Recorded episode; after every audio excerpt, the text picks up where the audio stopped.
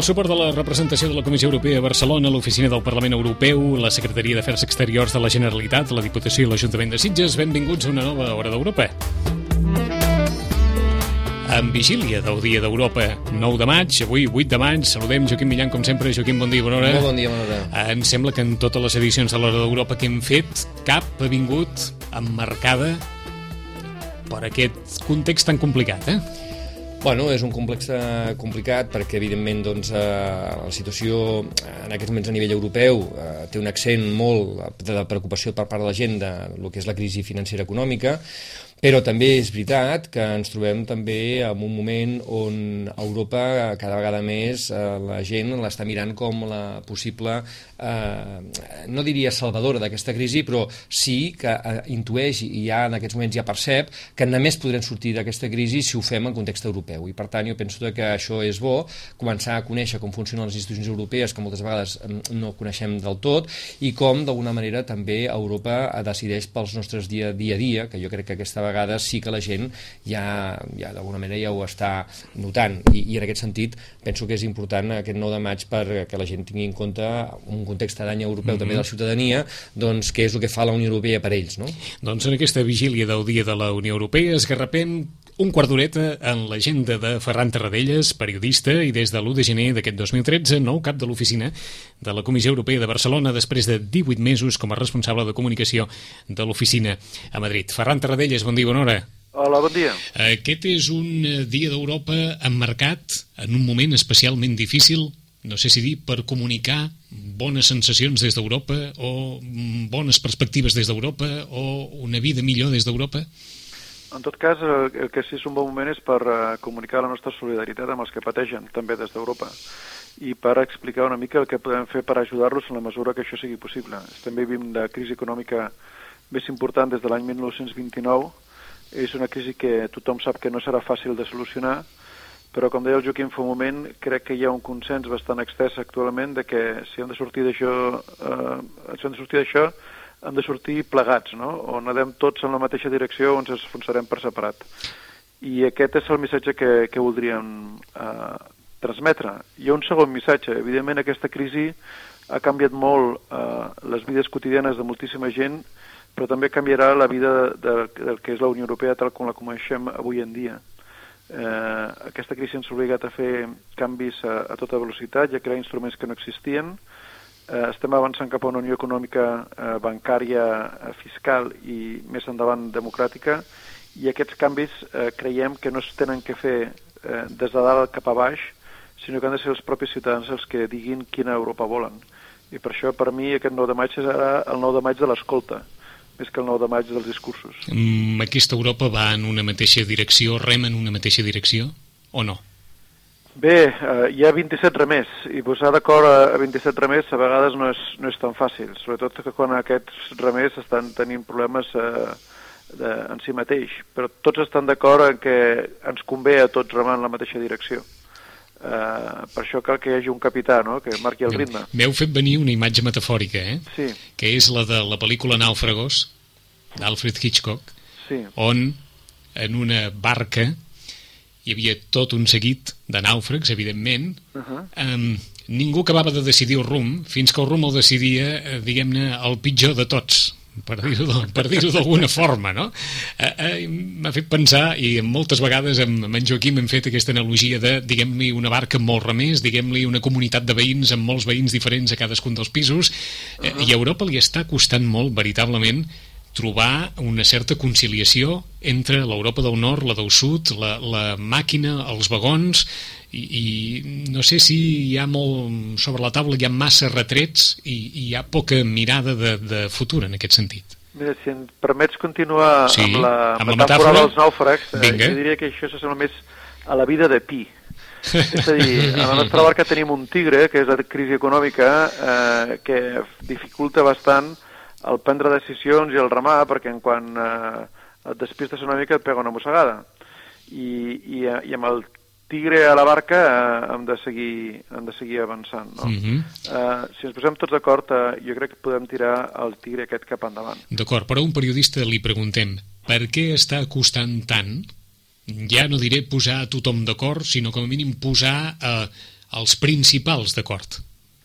Jo crec que aquesta percepció és errònia. Eh, si mirem el que ha passat des del 2008 fins ara, ens han posat d'acord amb moltíssimes coses i moltíssimes coses que semblaven impossibles fa no tants anys. Eh?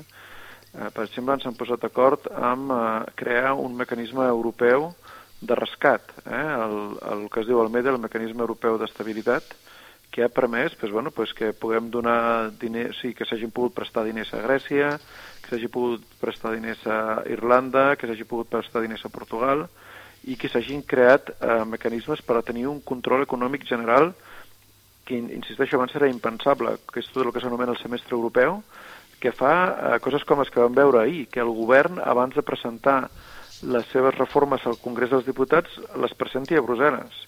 De manera que hi hagi una coordinació en política econòmica. Això abans era absolutament impensable. I això s'han posat d'acord els, els caps d'estat i de govern amb un temps curtíssim i amb un tigre dins de la barca, mm. és a dir, en, enmig de la crisi econòmica. No han tingut cap altre remei, no? És possible que, que no hagin tingut cap altre remei, però jo crec que també és de que destacar que, que s'ha aconseguit. Hi havia una alternativa, que era que els estats comencessin a fer fallida, que s'acabés l'euro. El 2008 hi havia gent que parlava alegrement de que l'euro se n'ha acabat. Pues bé, ara ja ningú parla de la, de la fi de l'euro, al contrari. S'està parlant de que l'euro se n'ha sortit bé i que és cada cop més fort. No? I algú pot pensar, no ho sé, eh, des del punt de vista ciutadà, els portuguesos poden sentir una certa empatia amb aquesta Unió Europea, com la podien sentir fa 10 anys, per exemple? I per això aquesta pregunta la podries extendre als espanyols i sí, sí, la podries extendre als irlandesos i els podries extendre... I als grecs i als britànics sí. ja per sempre, o... Vaja. Però, però jo l'extendria a, a tot el conjunt de la Unió Europea. Insisteixo, o sigui, estem en la pitjor crisi econòmica des de l'any 29. Eh, la solució que es prengui, sigui quina sigui, mai serà una solució fàcil, una solució que agradi a ningú. Això està, està clar. Estem parlant de com si una persona ha tingut un accident de cotxe i la porten a l'hospital Aviam, els metges faran tot el possible per salvar-li la vida i intentant fer el mínim mal possible. Però quan un arriba a un departament d'urgències, eh, la prioritat és salvar la vida, no eh, evitar el, el, el dolor. No? Doncs hem encara buscar més reflexions i més matisos. A, a titulars més o menys contundents, aquesta Europa és una Europa d'Alemanya i tota la resta? Alemanya és el país més gran de la Unió Europea eh, en nombre d'habitants i suposa més o menys el 25% de, de, del Producte Interior Brut de la Unió Europea. Evidentment, Alemanya té alguna cosa que dir i és un país important, però no és l'únic país de la Unió Europea i s'ha vist a diversos consells europeus que quan altres països del sud, com per exemple Itàlia i Espanya, en el Consell Europeu de, que es va decidir que es podia rescatar els bancs directament, es posen d'acord, doncs també poden treure mesures ells mateixos. Per això jo vull dir que, evidentment, que Alemanya té coses a dir i, evidentment, també és important tenir en compte una cosa, jo crec que és, que, que, que, que és important destacar-la, és que un país endeutat de cop i volta perd la seva possibilitat de prendre decisions. Crec que és molt important tenir-ho això en compte perquè els esforços que s'estan fent per sanejar els comptes públics també són uns esforços per recuperar la possibilitat de decidir per un mateix. I això crec que és molt, molt important destacar-ho. Mm en el moment en què necessites demanar ajuda i aquesta ajuda t'arriba, qui et dona l'ajuda també posa les condicions. Mm. Sí, està clar. I, que... i, i que... evidentment, quan qui ajuda són els països contribuents nets a la Unió Europea, és evidentment, és evident que aquests països tenen alguna cosa a dir. I quan reps l'ajuda, pues, evidentment la reps, dones les gràcies, però quan et posen les condicions pues, no hi ha més remei que mm. complir-les. Per això sanejar els comptes vol dir recuperar llibertat de decidir, i això és importantíssim. Com és la dita catalana, qui té llogat, no sé quan vol, no? Evidentment, Evidentment. Però, però, però no ho mirem així, vull dir, a, a diferència de, del que hagués passat si qui ens hagués rescatat és el Fons Monetari Internacional o, o alguna altra institució així amb la que no tindríem res a dir, els estats membres de la Unió Europea sí que tenen alguna cosa que dir al Consell. Mm, però, què, però què passa quan alguns estats primer França, ara no tant perquè els francesos també estan com estan i, i François Hollande també està com estan eh, Itàlia, Espanya o alguns significats membres destacats dels òrgans de govern de la Unió Europea o del Banc Central Europeu deixen en veu alta reflexions que posen sobre la taula l'impacte social que estan tenint determinades mesures i fins a quin punt es pot continuar incidint en determinades mesures de les quals és el màxim avalador a Alemanya. Bé, jo crec que és molt important que es posi sobre la taula el problema del patiment de tanta gent. eh, i, i en el nostre cas del patiment de, de més de 6 milions de persones que estan sense feina i molts d'aquests que estan sense feina des de fa bastants anys i que tots els membres de la família estan sense feina. És, és una cosa que, que no es pot prendre en absolut a la lleugera. Aquesta ha de ser la nostra principal prioritat. I tot el de més es té que fer en funció en que contribueixi a ajudar a aquesta gent.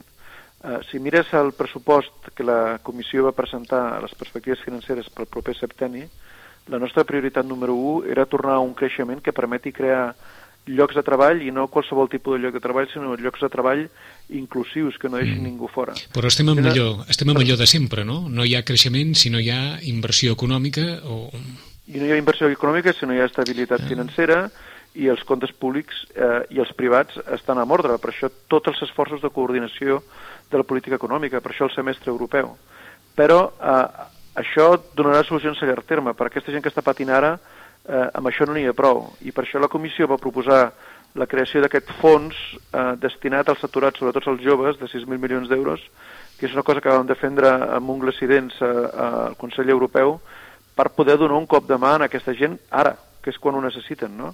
I moltes de les mesures que s'estan prenent en aquest moment, en què sabem que hi ha limitacions pressupostàries que no deixen fer gaire cosa, estan destinades precisament a fer això, a crear mesures ara. A la representació de la Comissió de Barcelona eh, tots els esforços de comunicació que estem fent amb uns recursos que també ens, ens han minvat bastant, uh mhm. -huh. estan destinats a això, a ajudar d'una un, banda els aturats a fer coses com, per exemple, també trobar feina en el mercat interior de la Unió Europea. És una cosa que eh, no és fàcil, però que no es té que descartar mai, perquè és una oportunitat que la Unió Europea ens dona de trobar feina en un altre lloc, però també d'ajudar les petites i mitjanes empreses d'aquí a que puguin tornar un altre cop a la senda del creixement i a trobar eh, la possibilitat de contractar gent, perquè ho fem així o no ens sortirem d'aquest forat i no ajudarem a la gent que està a l'atur. Per això aquesta, les dues prioritats nostres eh, per a la representació de la Comissió de Barcelona són aquestes.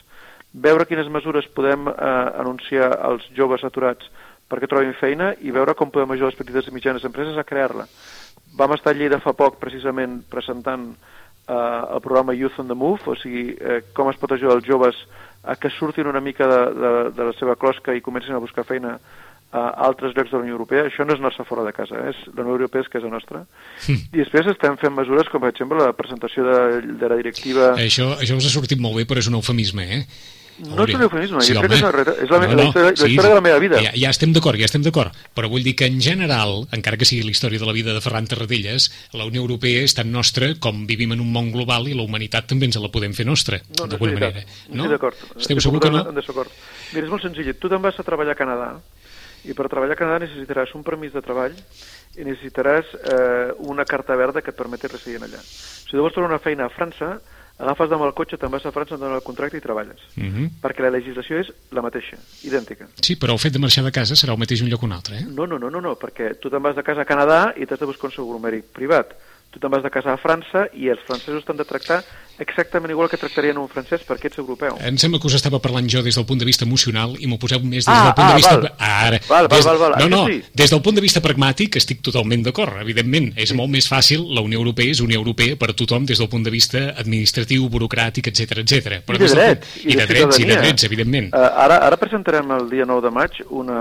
una exposició... A les Drassanes de Barcelona, A les Drassanes de Barcelona, que val la pena anar a veure, perquè allà s'explica com canvia per un ciutadà europeu ser-ho respecte a una persona que no ho és. I veuràs que els drets que tens d'anar-te'n de treballar a Barcelona, a, a, a Cádiz o a Vigo, eh, són exactament els mateixos que anar-te'n de, de Barcelona a París o a Berlín. I això és important que la gent ho sàpiga. Sí que és veritat que emocionalment és diferent perquè deixes casa teva, deixes els teus, deixes els teus amics, deixes el teu clima, deixes les paelles i deixes el, el vi negre, però si te'n vas a Dinamarca, on el temps és diferent, la llengua és diferent i emocionalment és un canvi molt fort, almenys des del punt de vista de drets i de drets laborals, el canvi no és tan fort. Mm -hmm. Esteu a punt de dir-nos gairebé que totes aquelles persones que no tenen feina, el primer que haurien de fer, o una de les prioritats, seria aprendre idiomes. Mm, eh, sens dubte, aprendre idiomes els ajudaria en tot cas. No estic dient que sigui la prioritat no, no, no, no, no, no. però ha de ser una cosa a tenir en compte. És mm -hmm. una cosa que no es pot excloure. Diu, si trobo feina a, a la meva ciutat, amb el sector que m'agrada, i en el, uh, i en el, en el meu idioma, sí, sí, està clar. és molt millor, tant de bo. Uh mhm. -huh. Però en aquests moments tan difícils que estem vivint, en què és tan difícil trobar feina, jo crec que no podem tancar les portes a cap oportunitat. I això val particularment pels joves, que són els que poden agafar una mica aquest esperit d'aventura i dir, mira, aquí està la cosa malament, me'n vaig, cap... me'n vaig cap, a, cap a un altre lloc. Mhm. Uh -huh. I, I et dic, vol dir, aquesta és l'història de la meva vida, potser el Joaquim et pot explicar... No, no, en Joaquim ara estava, estava volent apuntar precisament alguna, alguna reflexió a l'entorn del que dèieu, Ferran. Home, jo dues coses. Una, la primera, mm, poder d'una part que ja el Ferran ha comentat abans, que era també recordar que la Unió Europea, amb tot aquest esforç que el Ferran molt bé eh, posava l'accent en dues qüestions concretes, té una estratègia que és l'estratègia Europa 2020, que el que vol és un creixement integrador, intel·ligent i sostenible. I aquest tema ja fa temps que està treballant també la Unió Europea amb aquest marc. Des del 2008. Clar, des del 2008. Per tant, vol dir que no, no, no és que la Unió Europea no, no tingui una estratègia per dir com volem estar al 2020 i què obrir, quins deures hem de fer. De fet, ja s'està treballant en aquest sentit, el que passa que la crisi pues, està posant els accents a una sèrie de qüestions, com el, Ferran, eh, i a més a més el cas nostre, casa nostra, pues, amb una contundència amb el, amb el tema de la, dels aturats. No?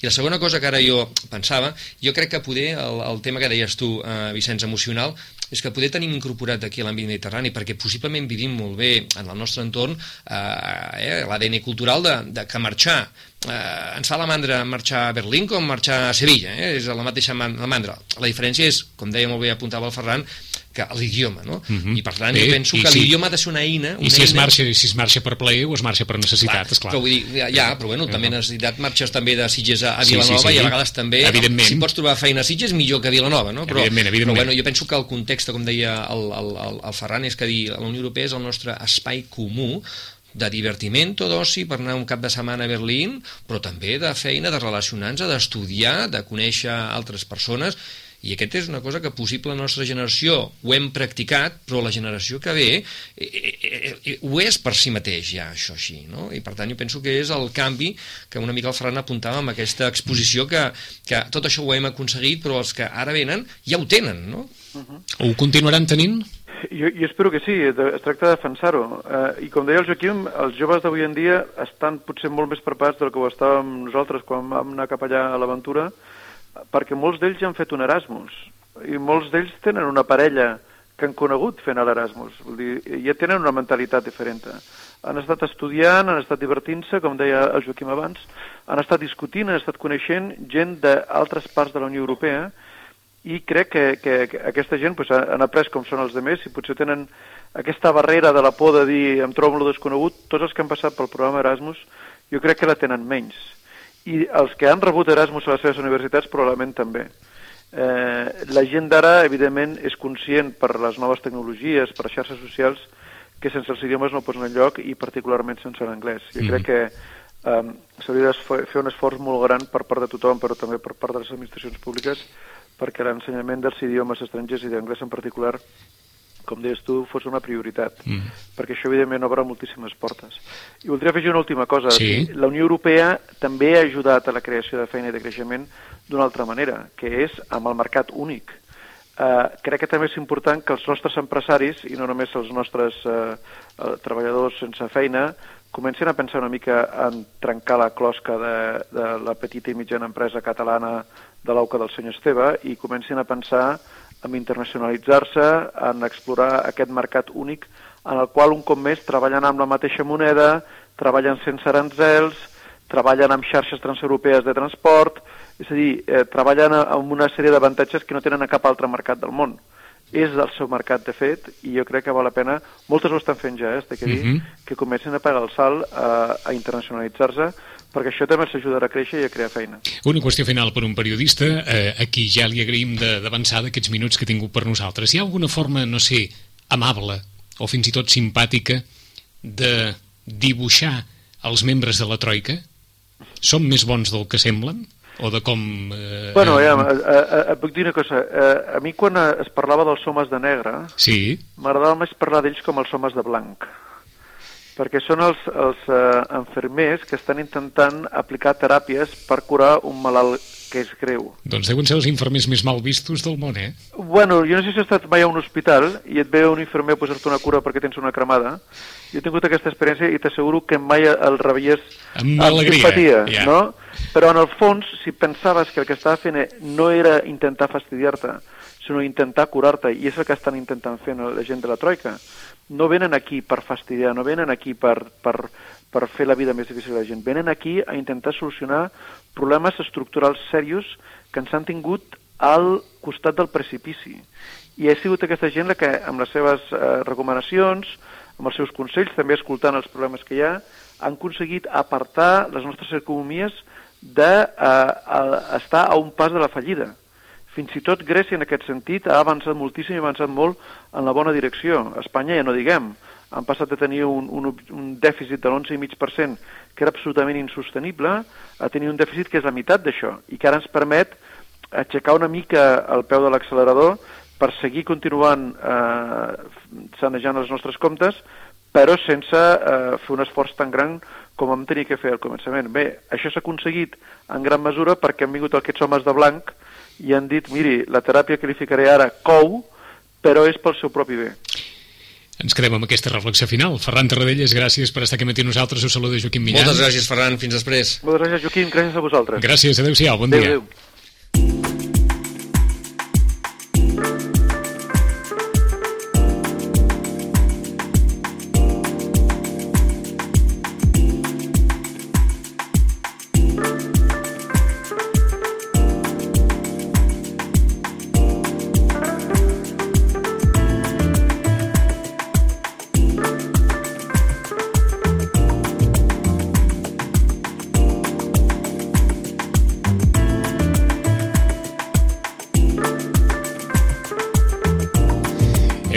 Ferran Tarradellas, periodista, com us dèiem, és el nou cap de l'Oficina de Comunicació de la Comissió Europea a Barcelona després de 18 mesos com a responsable de comunicació de l'oficina a Madrid. Ell parlava de la seva experiència personal i és que, és clar, abans d'arribar a aquesta oficina va ser portaveu de Cooperació Internacional d'Ajuda Humanitària i Resposta a la Crisi a la Comissió Europea, portaveu de la comissària Cristalina Georgieva. Des de l'1 de novembre del 2006 al 31 de març del 2010 va ser portaveu d'Energia a la Comissió Europea i portaveu del Comissari d'Energia i des de l'any 2000 al 2006 va ser responsable de les relacions amb la premsa a la Direcció General d'Energia i Transports, o sigui que donant moltes voltes abans d'arribar a la seu de la Comissió Europea eh, de Barcelona. Per tant, eh, aquesta, vaja, té molt interioritzat això de ara vaig aquí, ara vaig allà, ara surto de casa, ara arribo, que els peus a casa, vaja, que la casa no li caurà a sobre. No, això és així, és així. és així eh? de, de, de totes maneres, és, és cert que, i això ara poder el, el nou eh, convidat que tenim ara, uh -huh. en Xavier Serra, ens ho pot uh, també, ens podrà dir alguna que, cosa. Que, que és també un europeista convençut? Sí, sí, avui, justament un dia abans, et porto europeistes convençuts, eh? A vegades hem fet... Hem, a vegades hi ha hagut algú eh, més sí, crític, sí, però... Avui hem fet, avui va, apostem per això, no? De totes maneres, un europeista convençut que també eh, exerceix, perquè evidentment ella a banda que és professor de filosofia, etc. vull dir, és el responsable que, bueno, a Roses hi ha un institut, que és l'Institut de Rodes, que és um, d'aquells eh, que es posen com a exemple quan es diu què podria fer un institut per incorporar el tema d'Europa a les aules, als estudiants, però perquè obrin els ulls el tema dels idiomes que deien Youth of the Move, que parlava el Ferran, etc etc. I des de fa 5 anys ho estan fent, no només en aquest institut, sinó han lograt, a més, col·laborar amb altres instituts, inclús de forma transfronterera amb França, etc etc. No? Per tant, crec que és una experiència interessant avui a comentar, entre altres coses, perquè parlarem ara eh, de, de, temes concrets, no? i sobretot dels joves. Una mica l'última part que parlava el Ferran d'aquests joves que, de futur que són el nostre present ja. Eh? Eh, com, com ho veuen, això? Ah 10 i 41 minuts. Eh, Xavier Serra, bon dia i bona hora. Bon dia. A Grècia li convindria tornar a rellegir els filòsofs? O i tant que sí. O i tant que sí, eh? tothom hi està d'acord, tothom hi està d'acord. Tothom hi està d'acord. O potser a tots plegats ens hagués convingut llegir-los durant més ocasions al llarg de la història, eh? Sí, sens dubte, l'educació seria molt important la, la formació filosòfica de tothom. D'acord. Ara mateix jo m'he incorporat una mica tard al vostre programa, uh -huh. però el tema és la, la efemèrides de demà, del dia 9 de maig. Exacte. Uh -huh. Però ho preguntàvem bàsicament per si d'alguna forma Demà commemorem el Dia d'Europa. El Dia d'Europa també té ja una història que comença l'any 1985 i que a la vegada recorda la signatura del primer tractat pel qual es va fundar la comunitat europea i després, etc etc i s'ha anat desenvolupant tot plegat. Fins a quin punt a un professor de filosofia que té al davant alumnes, que té al davant gent jove, eh, hi ha una generació conscient, poc conscient, molt conscient, mitjanament conscient, de, de, del rerefons d'on venim, per dir-ho d'alguna manera. Però jo crec que potencialment, que és una paraula molt filosòfica, potencialment pot ser conscient. El que passa que, de fet, aquesta pedagogia potser encara no s'ha aconseguit fer del tot, i, de fet, com diuen les estadístiques, que potser heu comentat, moltes persones a Europa no són conscients del què significa la ciutadania europea. La història comença el, podríem dir, el 1950, que és quan la declaració de Schuman doncs, dona entrada a tot això, que és el, de fet és el motiu per al qual se celebra el 9 de maig en tota mm -hmm. Europa, no? la declaració Schuman. Totes aquestes eh, activitats que al principi, com coneix molt bé el Joaquim Millán i moltes altres persones, eren de caire més aviat econòmic, basat en cercar la, la, el diàleg, el mercat, la pau i tota una sèrie de valors molt importants, des de l'any 1993, eh, quan entra en vigor el Tractat de Maastricht, es converteix en un tema polític ja no es parla només de qüestions econòmiques, sinó de, de, de política de ciutadania, el concepte de ciutadà europeu. No? I aquesta és una de les coses que ens ha portat aquí l'Institut nostre des de fa ja cinc anys, a Roses, a l'Alt Empordà, un lloc magnífic, avui fa un dia esplèndid, per exemple, mm -hmm. ens ha portat a celebrar amb alumnes de més o menys la franja aquesta dels 15-16 anys, que és la, la ideal, en la meva opinió, per donar una empenta en aquesta formació ètico-cívica i en ciutadania, a, a reflexionar sobre el fet d'Europa de, i els diferents temes que va proposant la Comissió Europea i les institucions europees per cada any. No? Uh, esclar, any, el, el, aquest any és la ciutadania, que és el tema -huh. ideal per lo que ara ens preocupa. No? D'acord. Uh, dit així en genèric, uh, aquesta generació de joves de 15 a 16 anys és igual, encara que sigui un any per sota, un any, un any per sobre, parlar de ciutadania, del concepte de ciutadania, del concepte d'Unió Europea, quines reflexions d'entrada el, el genera?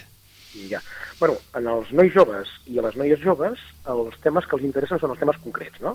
Eh, què faran el cap de setmana, com van els estudis, totes aquestes coses. Uh -huh. Llavors, a vegades els conceptes polítics, que els que som una miqueta més grans eh, o que ens dediquem a això ens poden semblar molt atractius, per ells no ho són tant. Excepte, excepte sí, els, els motives i els portes a fer coses, no? Llavors aquí l'institut, com, com, es, com es pot veure, per exemple, en el campus virtual que tenim, ja portem setmanes fent coses concretes. Per exemple, per posar dos, dos o tres exemples molt, molt breus, un grup d'alumnes van estar fent un reportatge audiovisual a Girona, entrevistant a professors de filosofia de la universitat, a l'alcalde de la ciutat, a persones de la eh, seu de la Generalitat a Girona, que és una mica especial, perquè té una oficina d'atenció ciutadana molt única, eh, pilot, i han fet un reportatge. Quan van fer això, es van interessar molt pel tema i feien unes preguntes excepcionals. Mm -hmm. És a dir, d'alguna manera, quan ells se senten absolutament partíceps... Implicats. Implicats. Sí, L'altre exemple, que és molt breu també, és que hem fet amb els alumnes de, de l'institut, del nostre, perquè som tres instituts els que col·laborem, però del nostre hem fet uns grups que han estat participant en activitats ciutadanes de Roses, des dels que promouen la donació de sang fins a la residència de la gent gran, els serveis socials de la biblioteca, la integració educativa de persones immigrants, i aquests nanos, quan han estat en contacte amb el que podríem anomenar voluntariat, però que en aquest cas era una investigació que havien de fer, han descobert un món nou. I entusiasmats, espero, el divendres ho explicaran a la jornada acadèmica que, que hem organitzat. Mm -hmm. per, per tant, se'ls ha de portar a les coses concretes, operatives, no? També és veritat que cantarem l'himne d'Europa i ficarem banderoles i mm -hmm. aquestes coses, però... Eh? O, o bé, hi ha més activitats. Si mireu el programa a la nostra web... Uh, um, mireu... uh, Europa és una... Vaja, és una realitat massa gran a vegades per poder-la no sé, sí, pre presentar d'una forma relativament eh, accessible? Sí, potser això, i avui dia estem bombardejats de massa informacions. El que sí que és molt interessant és que quan descobreixen que la ciutadania europea o la identitat europea tenen sentit perquè et donen un horitzó nou, per exemple, en la, en la, ara que es parla tant no, de, de la desafecció per la vida política, no? Uh mhm. -huh. I, I fins i tot amb Europa, eh? Però quan descobreixen que eh, el lema d'Europa és tan bonic, no? units en la diversitat, no? Doncs quan descobreixen això es comencen a interessar i t'escriuen uns textos, eh, faran unes comunicacions a la jornada que tenim divendres i uns textos que són realment de persones grans. Ja no són aquell bailet de 15-16 anys no, preocupat per els resultats esportius o per què farà a la discoteca, sinó que, que és un, un interès que va molt més enllà, molt més enllà de la cosa immediata. No? I ell en algun moment pensen, bé, mm, un dia o altre potser marxaré a, a treballar fora, potser, sí. Sí, sí. sí. L'altre dia vam tenir un seminari aquí en el qual vam parlar d'aquesta possibilitat i a, a conseqüència d'aquest seminari de formació que vam tenir sobre aquests temes, alguns ja han començat a preguntar no? sobre les webs, sobre quines possibilitats hi ha per seguir estudis, fins i tot les possibilitats de treballar fora. No? Uh -huh. És que la ciutadania europea és molt seriosa, eh, molt més del que eh, ens imaginem a vegades escoltant les notícies de la televisió o llegint els diaris. Eh, precisament per aquí anàvem. Eh, estem envoltats ara, no sé si dir, d'una visió massa pessimista o massa... O massa dura o massa cantelluda del que està passant, més enllà de, de que hi hagi motius, òbviament, per, per poder-la tenir, però fins a quin punt eh, els joves d'aquesta edat són partíceps, rebutgen molt aquesta visió pessimista, pensen que hi ha també una, un punt de sortida o, o estan veritablement embolicats a, a dins d'aquesta tendència general, d'aquesta sensació general que, que tenim tots plegats. Sí, la tendència al pessimisme eh, la, la duem moltes vegades, eh, la portem endavant moltes vegades amb els comentaris que fem justament en els mitjans de comunicació, en les actituds, en les converses, no? de res a fer i tal. No? Ara, els joves, per, per naturalesa, diria jo, tenen sempre un, un brot verd, que és el, del, el, de, la, el de la positivitat, no? el, de, el de millorar les coses. No? Per ells el món és el futur, no? i a vegades jo crec que els que són més grans hem de transmetre o hem de, hem de fer créixer, hem de regar amb, amb estimació aquests brots verds per fer-los créixer amb això, sense enganyar-los, eh? No uh -huh. enganyar ningú, però com, com hem estudiat aquests dies, eh, si tu analitzes bé quins són els drets i els deures que comporta la ciutadania europea, és una cosa que dona grans esperances, no? O sigui, a Europa vivim eh, respecte als drets humans, vivim amb la possibilitat de moure'ns amb llibertat, tenim la, la possibilitat d'expressar-nos, podem eh, treballar, estudiar, podem eh, conviure amb persones molt diferents de la nostra cultura, no? És una, és, un, és una cosa formidable, no? I, i els nanos en, en, els, en els divendres, perquè estem ara preparant mhm. l'actuació, uh -huh. diran coses com que estimem Europa i que... O sigui, hi ha un positivisme o una visió positiva de les coses que jo crec que cal, cal, cal, cal, cal difondre, perquè eh, en el fons és, també és la realitat. O sigui, no, no, no hi ha una única realitat, que és la de la crisi i les, les, les directives europees que potser ens, ens escanyen una mica. No? Hi ha una altra realitat que és també el futur que està per davant. No? Us ho pregunto perquè posem sobre la taula aquesta frase que segurament molts pares i moltes mares tenen tot el dret a pensar i que de ben segur a, a Xavier Serra li deuen haver comentat més d'una vegada i ell mateix deu haver pensat de què passarà amb els nostres fills què faran els nostres fills? Què passarà amb aquesta generació en el futur? De què treballaran? Com viuran? Tindran casa? Podran viure com nosaltres? Viuran pitjor que nosaltres? Sí, sí, no, és una preocupació real i és lògic que els pares i que els educadors ens en, ens en preocupeu, no? Però també és ben cert que es fa camí caminant, no? com deia el poeta. Llavors, una cosa que és clara és que la persona que veient les coses així, per exemple, decideix no esforçar-se en els estudis o no participar en la vida política de l'àmbit que pugui, eh? perquè poden fer-ho ja a l'edat que tenen, no? Mhm. d'interessar-se de les coses públiques. No? La persona que decideix actuar, diríem, arreplegant-se en ell mateix, o tenim una visió purament destructiva de les coses, és com, jo els anomeno zombis, aquesta gent, no són els que estan morts i maten. Llavors, es tracta de ser una mica més positiu. Eh? Jo crec que es tracta de, de viure-no. Toquem la realitat, eh, els alumnes ho fan, s'adonen, els d'Economia han fet un treball molt interessant sobre la crisi, i si Europa és la solució o el problema, uh -huh. els, de, els de llatí han estudiat les diferències entre la ciutadania a l'època clàssica i ara, els de, cada un en el seu àmbit eh, de l'assignatura pertinent presentaran les conclusions divendres, que tenim l'acte l'endemà, perquè el dia 9, que és demà, acadèmicament no, no, no anava bé, no? però uh -huh. celebrem el dia d'Europa. Llavors, tots aquests alumnes, quan han estudiat, eh, senyalen les dificultats o senyalen les limitacions, però al mateix temps sempre hi ha d'haver-hi un, un punt d'esperança. I els uh, pares, uh -huh. s'ha de dir això, és a dir, ja se n'adonen que hi ha dificultats que ho passem malament, que no hi ha feina i que, i que el futur no és tan fàcil potser com fa uns anys, que, que no ho sé. Però la solució és més implicació personal, més il·lusió, més fer cas als professors. eh, hi, ha un, hi ha una visió que és tirar endavant sense ser tampoc ingenus ni, ni propagandista. D'acord. Una més abans d'una punt que... Per, sí. europeista perquè em sembla que l'europeisme és el que precisament és la sortida del problema i no com alguns euroscèptics d'aquests mica radicals pensen que és la causa dels problemes. No?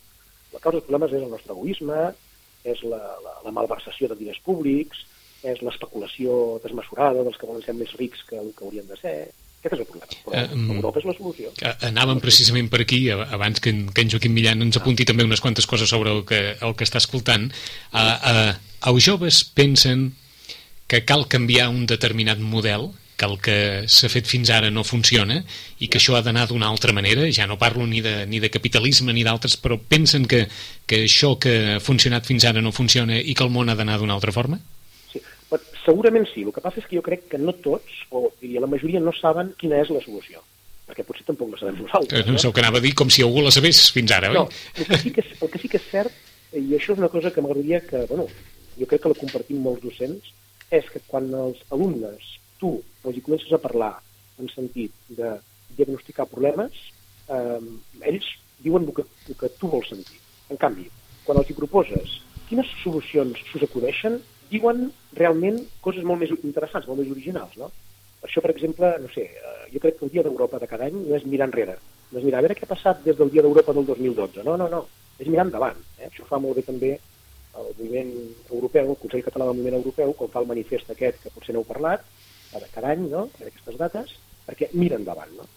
Per això em sembla que el, el cosa bona de la gent jove, i per això m'encanta l'educació, i m'encanta fer aquesta activitat i promoure amb els meus col·legues dels instituts d'aquí, doncs és mirar endavant. Eh? Mm -hmm. I és una idea, és no, jo estic molt d'acord amb el que diu el Xavier, entre altres coses perquè amb la meva experiència quan he anat a instituts i fa poc, eh, abans eh, el Xavier feia esment, vaig estar a l'Institut Illa de Rodes, que també s'ha de dir que no, no, no, aviam, és una mica excepcional, eh, justament perquè hi ha també el cos eh, diguem de professorat, de direcció, etc que aposta per això, però sí que és veritat que quan els joves tu els, hi, els encurioseixes els hi dones l'oportunitat que vagin descobrint el que sigui en aquest cas, què vol dir ser ciutadà de la Unió Europea, què vol dir l'espai comú que en diem Unió Europea, les possibilitats que tenen en un moment donat, o estudiar, treballar. Avui en dia parlem de tres conceptes. Un és trobar feina, un altre és la mobilitat i l'altre és el tema de la formació. Mm, evidentment també vol dir anar-se'n a formar, i no només universitari. Eh? Fins ara coneixem l'Erasmus com el gran tema i diu, clar, has de ser universitari, com que jo no ho seré, doncs mi això d'Europa no m'interessa.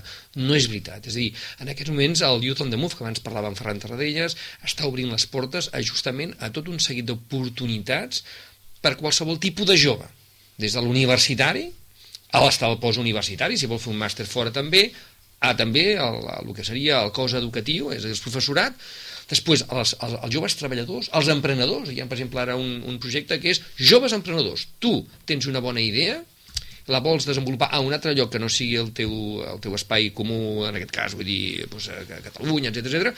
si tens un bon projecte, et poden buscar on desenvolupar una empresa a, a fora d'aquí. Eh, independentment si tens titulació universitària o no, vull dir que aquest és un altre tema o després també la mobilitat, per anar a l'aprenentatge que abans tu deies, Vicenç, de, de l'idioma, no? Vull dir que, mhm. -huh. que és una eina més avui en dia, eh, per nosaltres poder, ah, tu parles anglès, ara és al revés, tu no parles anglès? O sigui, ara és la pregunta és dir, ah, tu parles anglès, mira aquest parla anglès, tu. Ara la pregunta serà, tu no parles anglès? I ho dic perquè l'anglès sigui eh, un sí. idioma concret, és que és una feina de treball, però és que en qualsevol nivell. Jo penso que aquest tema és, eh, els nanos eh, veig com com que quan els hi tu els engresques i els expliques, veuen que estan descobrint unes possibilitats de futur on ells eh, s'han de eh, eh, recol·locar per a tindre una oportunitat. No? Jo crec que aquest també és una mica el que està passant en aquests moments tenint en compte que estem parlant ara de crisi a Europa, etc, però que el món ha canviat. És a dir, hi ha una altra cosa que avui no hem parlat que és dir, eh, ja, no només hi ha una època de canvis sinó és un canvi d'època.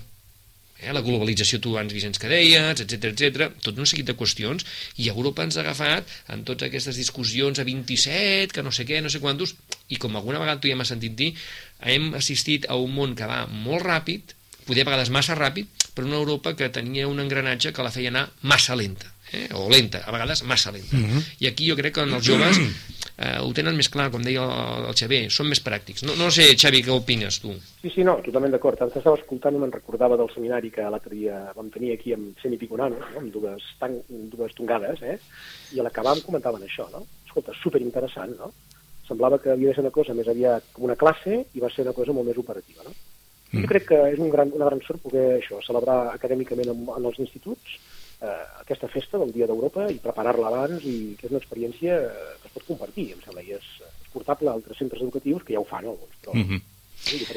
en, en un minut, en aquest marc que, que vivim, els nanos també parlen de retallades? bueno, sí, de fet demà hi ha tocada una això, vaga. no? Demà, hi, demà hi, ha, hi ha vaga, però, però, però, però aquesta qüestió de la retallada és, és moneda corrent en el llenguatge quotidià també a la classe? Mm, bueno, o no? Depèn, de, depèn del que tu els diguis. O sigui, eh, jo, jo crec que ells no són ni tan conscients ni ara mateix poden fer-hi tant en aquest tema. Eh? És una, qüestió, és una qüestió que jo crec que forma part del, del, de l'imaginari ara polític col·lectiu nostre, però que la solució va per no obsessionar-se amb aquestes coses. No, no dic que no sigui un tema preocupant, però mm -hmm. va mhm. per un línia més, més constructiva. Hem de construir, hem de fabricar, hem de, de, de trobar propostes. Mm. A la vigília del Dia eh, d'Europa hem conversat també amb Xavier Serra, professor de Filosofia a l'Institut Illa de Rodes i una de les persones embolicades en tots aquests projectes relacionats precisament amb, amb Europa, amb el coneixement d'Europa i amb l'implicació dels joves en eh, tot allò que fa referència a la Unió Europea. Xavier Serra, gràcies per estar aquí amb nosaltres. Us saluda Joaquim Millan. Moltes gràcies, Xavier, que vagi molt bé divendres i bon dia d'Europa. Ja sabeu que si esteu per Roses divendres esteu super convidats a venir a la sessió que us encantarà. Gràcies. farem un, gràcies. farem un reportatge i us el passarem. Gràcies de nou. Vinga, Adéu-siau, bon dia. Adéu, bon dia. Adéu-siau. Adéu.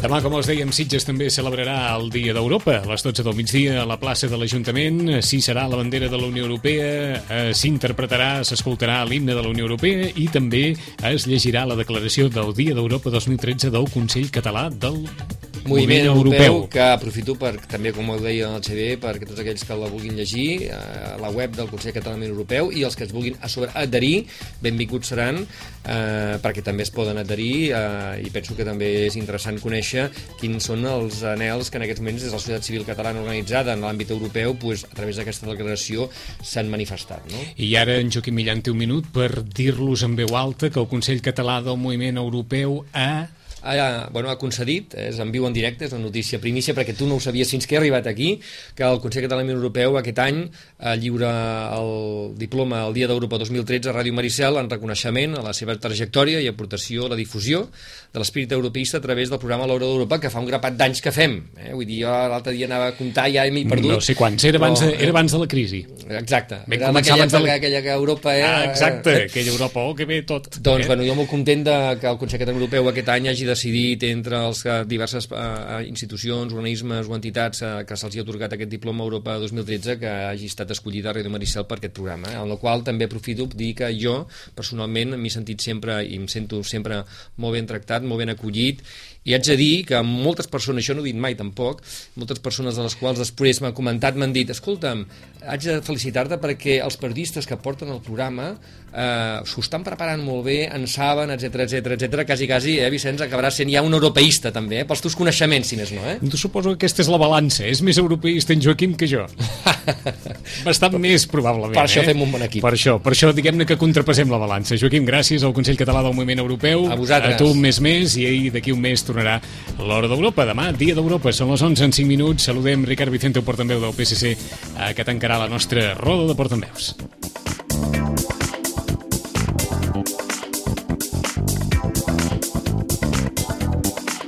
A Ràdio Maricel, cada dia, al matí amb nosaltres.